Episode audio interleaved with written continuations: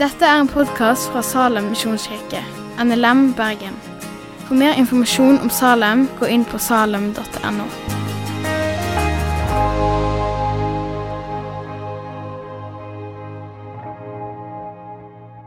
Som mange av dere kanskje har lest på skjermen bak oss, så begynner vi en ny taleserie denne helgen her, som heter 'Kom, Hellige Ånd'. Og Denne taleserien skal handle om Den hellige ånd, fordi vi tror at uh, Den hellige ånd har en helt sentral og essensiell plass. Både i den kristne kirke, men òg i livet til den som ønsker å være en disippel av Jesus. Så Derfor ønsker vi å invitere Den hellige ånd inn. Vi ønsker å be den bønnen som står på skjermen bak meg. Kom, Hellige ånd. En bønn som har blitt bedt gjennom hundrevis av år av kirkens historie. Kom, Hellige ånd. Og En av måtene vi skal gjøre det på, en av måtene vi skal be den bønnen på, det er å snakke om det her fra plattformen. Så Vi skal bruke de neste fire helgene på å snakke om Den hellige ånd, om hvilke løfter som er knyttet til Den hellige ånd, om, om uh, Den hellige ånds plass i kirken og i gudstjenesten, og mye mer. Så jeg tror dette blir veldig bra. Jeg tror dette blir bra og viktig for oss som kirke, jeg tror det blir bra og viktig for oss som enkeltpersoner, som disipler, som kristne. Så jeg håper du kommer med forventning, og jeg håper du har lyst til å sette av de neste helgene for å være her. Og Hvis du ikke kan være her en helg, så anbefaler jeg deg å høre talen på podkast. Og Vi opplever for tiden at dette er viktig å snakke om. Vi opplever at Den hellige ånd gjør noe iblant oss. Både i det at vi har fått en del folk inn i menigheten de siste årene som, som utfordrer oss på å snakke mer om dette. Som savner dette i sine egne liv, og kanskje savner det i livene til de rundt seg som utfordrer oss til å snakke om Den hellige ånd og undervise og forkynne om Den hellige ånd. Men vi opplever det òg at Den hellige ånd jobber iblant oss og i menneskene rundt oss for tiden. Vi har en del folk som har kommet til tro det siste året her i menigheten. Sist i, går, så, sist i går kveld så snakket jeg med en som hadde blitt invitert med, som, som sa at jeg har vært ateist helt fram til nå på nyåret, egentlig. Og nå er han i en sånn prosess av å, av å begynne å utforske dette med tro. Gud, Den hellige ånd, jobber i han. Og Vi opplever at det er en del forskjellige initiativer som vi tror Gud har, har utfordret mennesker på å ta tak i. F.eks. alfakurset, som begynner nå på tirsdag her i menigheten. En gjeng med frivillige her i Salem som har lyst til å arrangere alfakurs. Så hvis du bare sånn for å si kjapt det, hvis du er skeptisk, søkende, troende, tvilende, kritisk, positiv, negativ, hva enn du er til tro Hvis du har lyst til å komme et sted og snakke om de store spørsmålene i livet og troen, så er alfakurs stedet for det. Og Det begynner her på tirsdag klokka sju. man finner mer info om det. Men vi har også bønnemøtene, som har rullet og gått her på undervisningsrommet i litt over et år. Noen som opplevde å å bli utfordra til å ta tak i bønnemøtene, og vi ser frukt av det. Kvinnekvelden som var her i fjor, noen som opplevde at de ble utfordra til å ta tak i det. Vi opplever at Den hellige ånd pirker på ting, utfordrer oss på ting og jobber iblant oss. Og vi i Stab vi opplever at dette er noe som vi som, som kirke trenger å fokusere på og bruke tid på. Og vokse i i tiden framover. Så som sagt, Vi skal bruke de neste fire helgene på det. Og jeg håper at dere snakker om det i smågruppene deres eller i misjonsforeningene deres. Og bruker tid på å utforske og be og søke Den hellige ånd. Og be den bønnen som står bak meg. Kom, Hellige ånd. Og med det sagt så skal vi slå opp i det som er teksten som vi tar utgangspunkt i denne søndags formiddagen. Den står i apostelgjerningene kapittel 4. Hvis du har med deg en bibel, gjerne finn den fram. Altså. Eh, vi skal befinne oss i starten av apostelgjerningene i, i, i dag. Eh, og vi begynner å lese i apostelgjerningene 4, fra vers 18. Det står på skjermen, som dere kanskje ser. Og vi leser i Jesu navn. Der står det de kalte dem inn igjen. De er altså de jødiske lederne og prestene. Det står De kalte dem inn igjen og påla dem å holde helt opp med å forkynne og undervise i Jesu navn. Men Peter og Johannes svarte dem. Døm selv om det er rett i Guds øyne å adlyde dere mer enn ham. Men vi kan ikke la være å tale om det vi har sett og hørt. Da truet de dem enda mer, men lot dem gå. For de fant ingen mulighet til å straffe dem så, så lenge hele folket lovpriste Gud for det som var skjedd. La oss be. Herre Jesus, takk for denne formiddagen, takk for dette nye året, og takk for hvert enkelt menneske som sitter i dette rommet eller er rundt omkring i et annet rom i dette bygget på Sandaskolen. Helligånd, vi ber den bønnen som har blitt bedt gjennom århundrer av kirkens historie. Kom, Helligånd. Vi inviterer deg inn i dette rommet. Stig ned iblant oss. Tal til oss, rør ved oss og forandre oss, Herre. I ditt allmektige navn. Amen. Amen.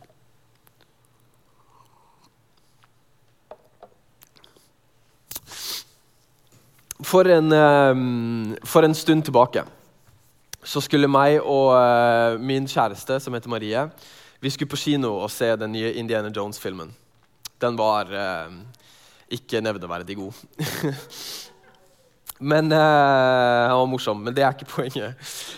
men vi kom litt tidlig, som er overraskende nok for de av dere som kjenner meg og oss.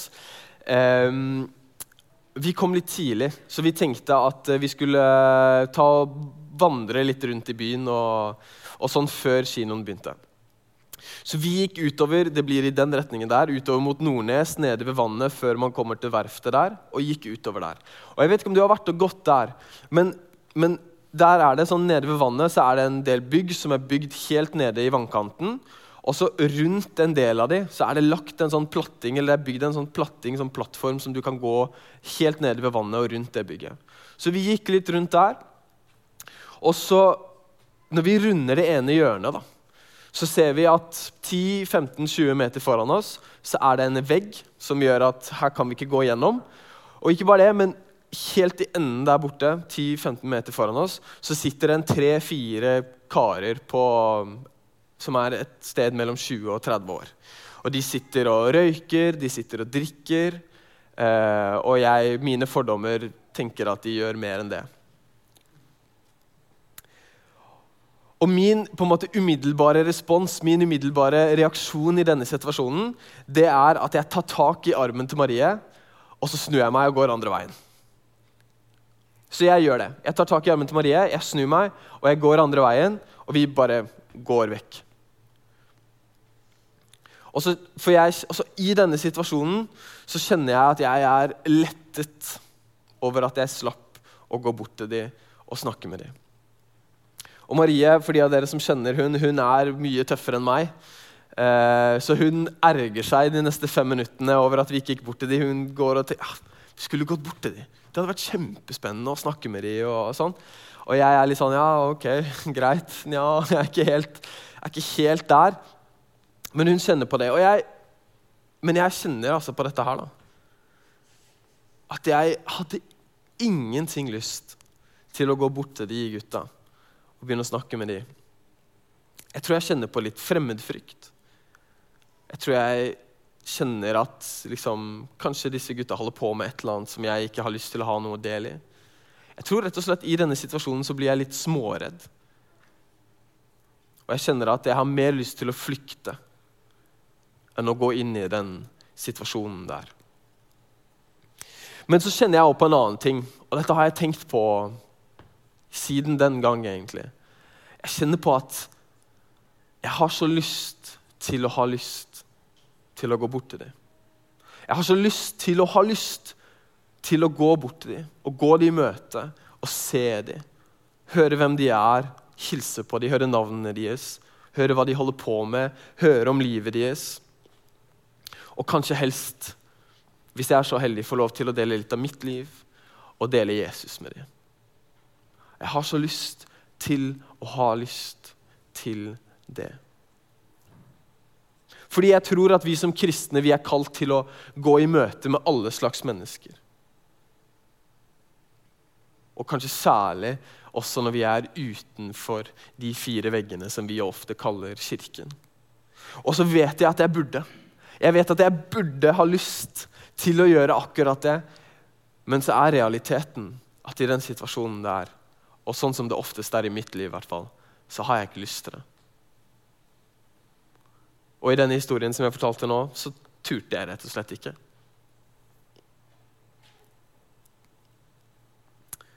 Og her tror jeg at mange av dere som sitter i dette rommet, og veldig mange kristne i dag, særlig i Norge, det landet vi bor i, har en utfordring. Og den utfordringen er frimodighet. Vi har en utfordring i det at vi som kristne vi har et forbilde som gikk alle slags mennesker i møte. Uansett hvordan de så ut, uansett hvem de var, uansett hva slags, hva slags rykte de hadde på seg. Han gikk alle slags mennesker i møte, og så klarer ikke vi alltid å gjøre det samme. Jeg tror mange som sitter i dette rommet, kan se tilbake på hendelser i livet hvor en dør til å møte noen, en dør til å se noen, en dør til å fortelle om Jesus til noen, en dør til å vise noe av Jesus' kjærlighet for et menneske, hvor en sånn type dør ble åpnet. Men så klarte man ikke, eller så turte man ikke, å gå gjennom døren og gjøre det. Og hvis jeg får lov til å være litt tydelig, hvis jeg får lov til å være litt direkte, både med dere, men nå ikke minst med meg selv, så tror jeg vi er altfor passive. Jeg tror mange av oss kjenner på fremmedfrykt, og jeg tror mange av oss kanskje er litt redde for hva folk kommer til å tenke om oss. Kanskje vi er redde for å bli avvist i det møtet. Kanskje vi er redde for å bli sett på som idioter eller bli sett på som hjernevaska, eller bare bli avvist fordi at de tenker at dette her er bare, dette er bare noen kristne fundamentalister som ikke forstår hva slags tid de lever i. Kanskje vi er redde for å ta på ansikt i møte med venner eller familier eller kollegaer eller, eller uh, foreldre til barna som noen av våre barn går i klasse med. Jeg vet ikke. Men jeg utfordrer deg til å, til å Hvis du kjenner deg igjen i det jeg snakker om, til å tenke litt gjennom akkurat det spørsmålet der. Til å jobbe litt med å bli bevisst på hva er det som holder meg tilbake her.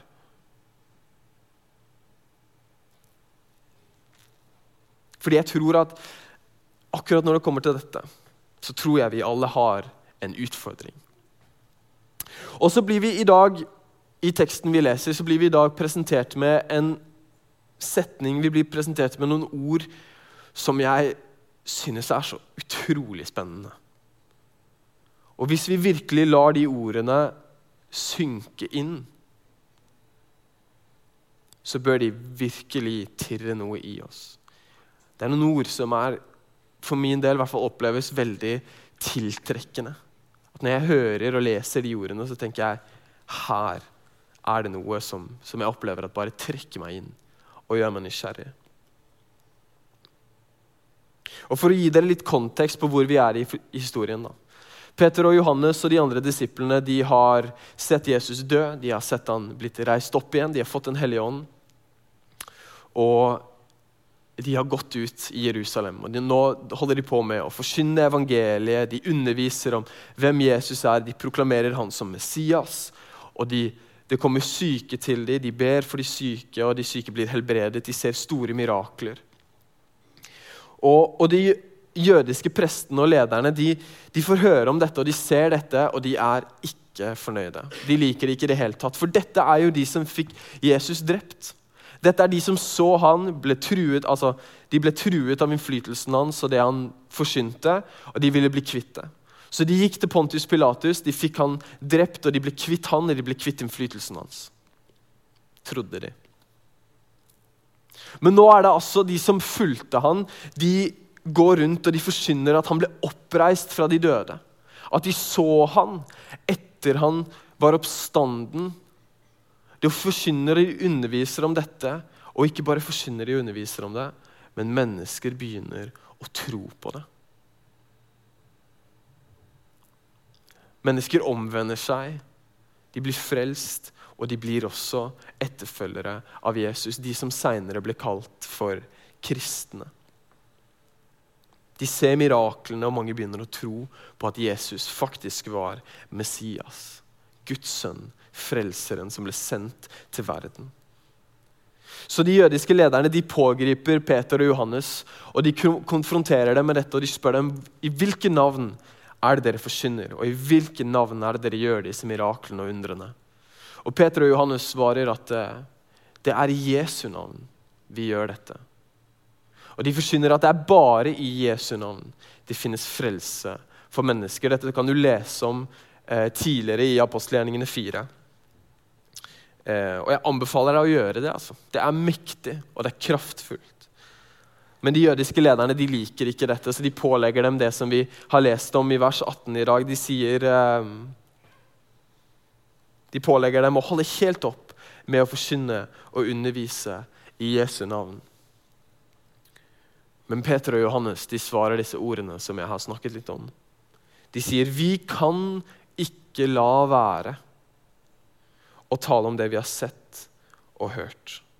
Vi kan ikke la være å tale om det vi har sett og det vi har hørt. De sier, 'Dere får dømme hva som er rett å gjøre.'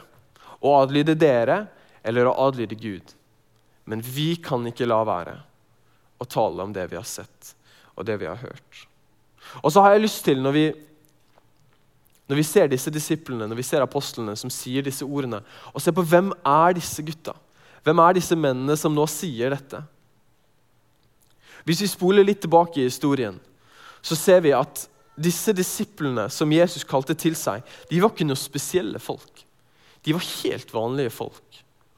Det var ikke disse som hadde vist seg som smarte og flinke i det jødiske skolesystemet. For det funket sånn, det jødiske skolesystemet det funket sånn at alle unge gutter de inn, de kom, kom på skolen og de lærte loven og profetene og salmene i noen år. Og så fikk de flinkeste gå videre til å følge en rabbi, en jødisk lærer, og bli lik han.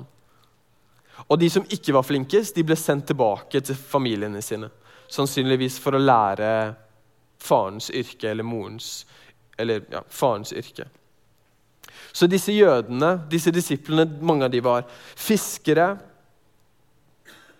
Eh, en av dem var en toller. Han var forhatt i det jødiske samfunnet. Det var masse skam knyttet til dette. Noen av dem var disipler av døperen Johannes. De gikk ut i ørkenen for å følge en mann som kledde seg i klær av kamelhår og spise gresshopper. De var rett og slett helt vanlige folk. Fra helt vanlige familier, kanskje til og med fattige familier. Men nå står de og sier disse ordene her. Og ikke bare var de helt vanlige, men vi ser gjennom evangeliene når vi leser evangeliene, så ser vi gjennom hele, eh, alle bøkene at de krangler om hvem som er størst. De feiler hele tiden. De krangler om hvem som er størst. De holder barna borte fra Jesus. De er redde når det stormer rundt Jesus før han stiller stormen. De sovner når han ber dem om å be for han i Getsemane-hagen. De flykter når han blir arrestert, og til og med Peter, som kanskje sannsynligvis er han som sier disse ordene, han banner på at han ikke kjente Jesus etter Jesus har blitt arrestert. Fordi han er så livredd for hva de skal gjøre med han. At han fornekter Jesus. De er rett og slett kanskje ganske like oss, tror jeg. Så når vi blir presentert med utgangspunktet deres, og vi blir presentert med disse ordene som de nå står og sier, så blir jo det naturlige spørsmålet å stille seg det blir, hva er det som har skjedd her? Her har det skjedd noe. Og hva er det som har skjedd her?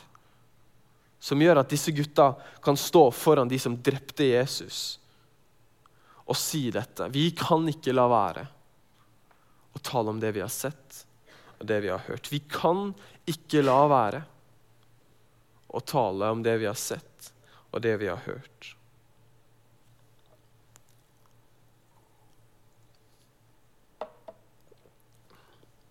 Jo, hvis vi, blar noen, hvis vi blar noen sider tilbake, helt til begynnelsen av apostelgjerningene, I kapittel 1 så kan vi lese i, eh, noen ord som Jesus sier i apostelgjerningene 1,8.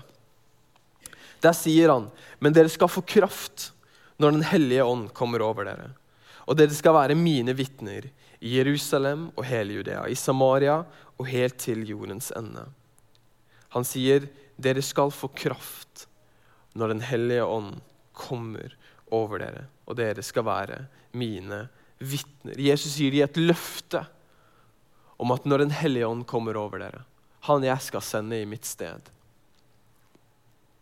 da skal dere få kraft til å være mine vitner. Og Hvis vi ser litt, litt videre, så kan vi lese i starten av apostelgjerningene 2, fra vers 1, om at dette skjer.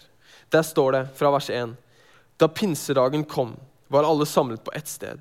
Plutselig lød det fra himmelen som når en kraftig vind blåser, og lyden fylte hele huset hvor de satt. Tunger som av ild viste seg for dem, delte seg og satte seg på hver enkelt av dem. Da ble de alle fylt av Den hellige ånd, og de begynte å tale på andre språk, ettersom ånden ga dem å forkynne. Det vi leser om her, det er at Den hellige ånd stiger ned og fyller disse disiplene, og de blir forandret. Den hellige ånd kommer ned i dem og forandrer dem. Han gir dem mot, han gir dem ordene, han gir dem visdom, han gir dem kraft. Disiplene de hadde gått sammen med Jesus i ca. tre år. De hadde hørt ordene hans, de hadde hørt undervisningen hans, de hadde fått forklaringene på lignelsene hans. De hadde sett miraklene han gjorde når de syke ble brakt til ham, når, de, når en død mann ble reist opp. De hadde vandret sammen med ham. Men det var ikke nok for dem å bare høre det Jesus sa. Det var ikke nok for dem å bare se Jesus forkynne og høre hans forkynnelse og undervisning. Det var, bare, det var, ikke nok for dem å se han helbrede med frimodighet. De måtte bli forandret av Gud. Den hellige, den hellige ånd måtte komme inn i dem og forandre dem fra innsiden og ut. Hos ham fikk de kraft til å være vitner. Og når det skjedde, så kunne de ikke gjøre annet enn å fortelle om det de hadde sett og det de hadde hørt. Og videre da, for min del, når jeg ser på dette, når jeg ser på den forandringen som skjer med disiplene, og jeg ser på disse ordene som, som trekker meg inn, så blir spørsmålet hvordan kan dette skje med meg? Hvordan kan dette skje med meg? Og jeg håper du kjenner på noe av det samme. Hvordan kan dette skje med meg? Og da er det enkle svaret, som så mange av dere vet kanskje ikke oppleves så enkelt i livene våre, men det enkle svaret det er vi trenger å slippe Den hellige ånd til i livene våre. Vi trenger å slippe Den hellige ånd til i livene våre. Og For en stund siden så, eh, så hørte jeg noen bibeltimer av en mann som heter Knut Kåre Kirkholm. Han er teologiprofessor på Fjellhaug i Oslo. Og Han satte et språk på hvordan Den hellige ånd jobber i oss, som jeg synes var veldig hjelpsomt. Han snakket om Den hellige ånds punktuelle og Den hellige ånds prosessuelle gjerning. For Den hellige ånds punktuelle gjerning det er dette øyeblikket som Den hellige ånd skaper tro i oss. Sånn, her viser han oss hvor stygg og hvor ond vår synd er. Det som før kanskje virker tiltrekkende for oss. Men Den hellige ånd viser oss hvor stygg og hvor ond vår synd er. Og her skaper han tro på Jesus i oss. Tro på Jesus som vår frelser og tro på Jesus som vår Herre. Og fra denne punktuelle gjerningen som Den hellige ånd gjør i oss, så er vi frelst. Fra dette punktet så er vi Guds barn. Vi hører Jesus til, og vi fordeler Jesu død og oppstandelse fra de døde. Som man kan lese om i Romerne. Sant? Jeg vet ikke om du har lest Esekiel 36, men der står det om, kjøtt, nei, om steinhjertet som blir til kjøtthjerte. Fra dette punktet er vi frelst, og vi har fått nytt liv i Gud. Og så gjør Ånden også en prosessuell gjerning i oss. Fordi selv om vi er frelst, selv om vi hører Jesus til, så har vi fortsatt ondskapen i oss. Ondskapen som trekker oss bort fra Gud. Ondskapen som frister oss bort ifra Frelseren. Så livene våre de handler om å gi rom til Den hellige ånd i livet. La han jobbe med oss. La han gjøre sin prosess i oss. La han forme oss og gjøre oss mer lik Jesus. Og jo mer plass vi gir han, jo mer vil livene våre forandres. Men dette krever kanskje tid. Det krever dedikasjon, det krever energi. Og for de aller fleste av oss så skjer det ikke av seg selv. For noen gjør det det. Og det er helt fantastisk. Jeg har hørt historier om mennesker som har tatt imot Jesus. De har fått Den hellige ånd, og sånn er livet forandret. Livet ser helt ulikt ut. Men for de aller fleste av oss så handler livet med Den hellige ånd om å ta stadig nye, små steg. Hver eneste dag. Sånn, noe vil skje ved sterke møter eh, på gudstjenester, eller på konferanser eller festivaler og sånne type ting.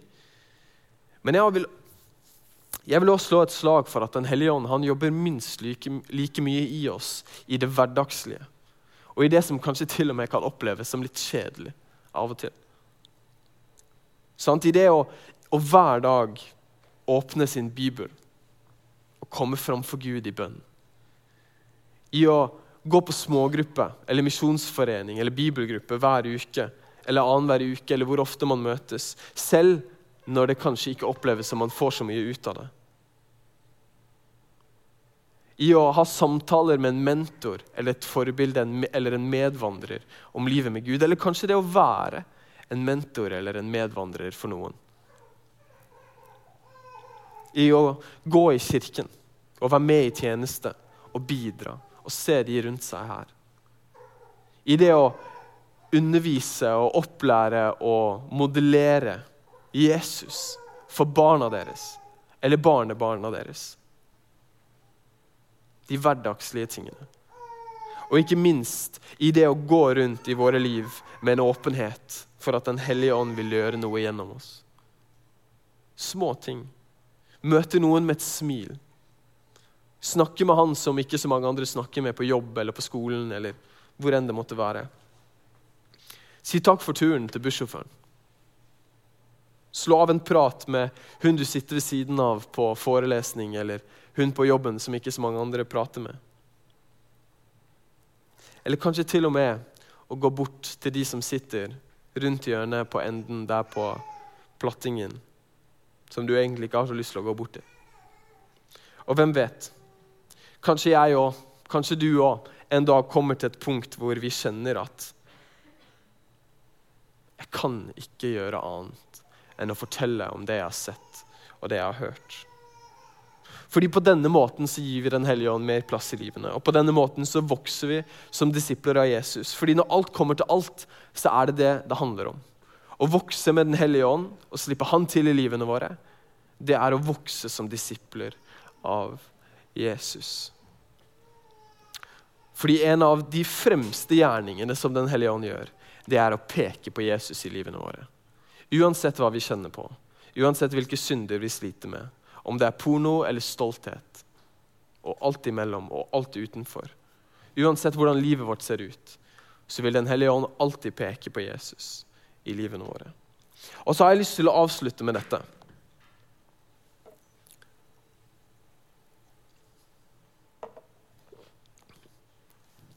Jeg vil avslutte med dette. Når du ser hvordan Den hellige ånd forandret disiplene, når du ser hvordan Den hellige ånd forandret disse fiskerne, tror du ikke han kan forandre deg? Tror du ikke han kan gi deg tro? Tror du ikke han kan gi deg autoritet? Tror du ikke han kan gi deg frimodighet? Tror du ikke han kan gi deg mot? Tror du ikke han kan forandre din karakter? Tror du ikke det er mulig at Gud vil gi deg det du trenger for det han har kalt deg til? Tror du ikke han kan gjøre det umulige mulig? Gud kan forandre deg, og han gjør det gjennom Den hellige ånd. Den hellige ånd han gir oss kraft og styrke til å bli mer lik Jesus. Den hellige ånd gir oss kraft og styrke til å leve sånn som Jesus.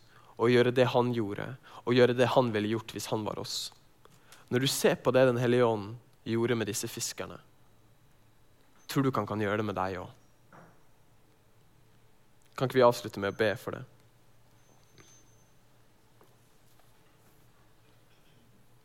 Hellige Ånd, vi inviterer deg inn i dette rommet. Kom, Hellige Ånd. Kom og vær nær oss. Kom og forandre oss. Takk for at du modellerer og du viser oss i denne boken det du kan gjøre. At du kan ta mennesker uansett deres utgangspunkt, og du kan forandre dem og gjøre dem til vitner for deg. Du kan forandre dem og gjøre dem modige, frimodige. Du kan gi dem autoritet, du kan gi dem troen, du kan gi dem karakteren som de trenger, Herre. Takk for at du har vist oss det, og hjelp oss å tro på det. Herre. Og vi ber om at du skal komme og gjøre det igjen, Hellige Ånd. Kom og gjør det med oss. Disse ordene som vi ser som trekker oss inn i denne teksten i dag, hvor Peter og Johannes sier vi kan ikke gjøre annet enn å fortelle om det vi har sett og det vi har hørt. Vi ber om at det skal bli sant i våre liv òg. At vi går rundt i våre liv med den holdningen og den troen og den opplevelsen, de opplevelsene, de, det motet, den overbevisningen om at vet du hva verden får gjøre med oss akkurat sånn som den vil. Men vi kan ikke gjøre annet enn å fortelle om det vi har sett og det vi har hørt. Herre, gjør det like naturlig for oss som å puste. Gjør det like naturlig for oss som å spise. Gjør det like, like naturlig for oss som å sove. La det bli sant i våre liv at vi kan ikke gjøre annet enn å fortelle om det vi har sett og det vi har hørt. La det skje i våre liv, Herre. I dette allmektige navn. Amen. Takk for at du har hørt på podkasten fra Salem, Bergen. I Salem vil vi vinne, bevare, utruste og sende. Til Guds ære. Vi ønsker å se mennesker finne fellesskap, møte Jesus og bli disippelgjort her i Bergen og i resten av verden. Vil du vite mer om oss, gå inn på salem.no.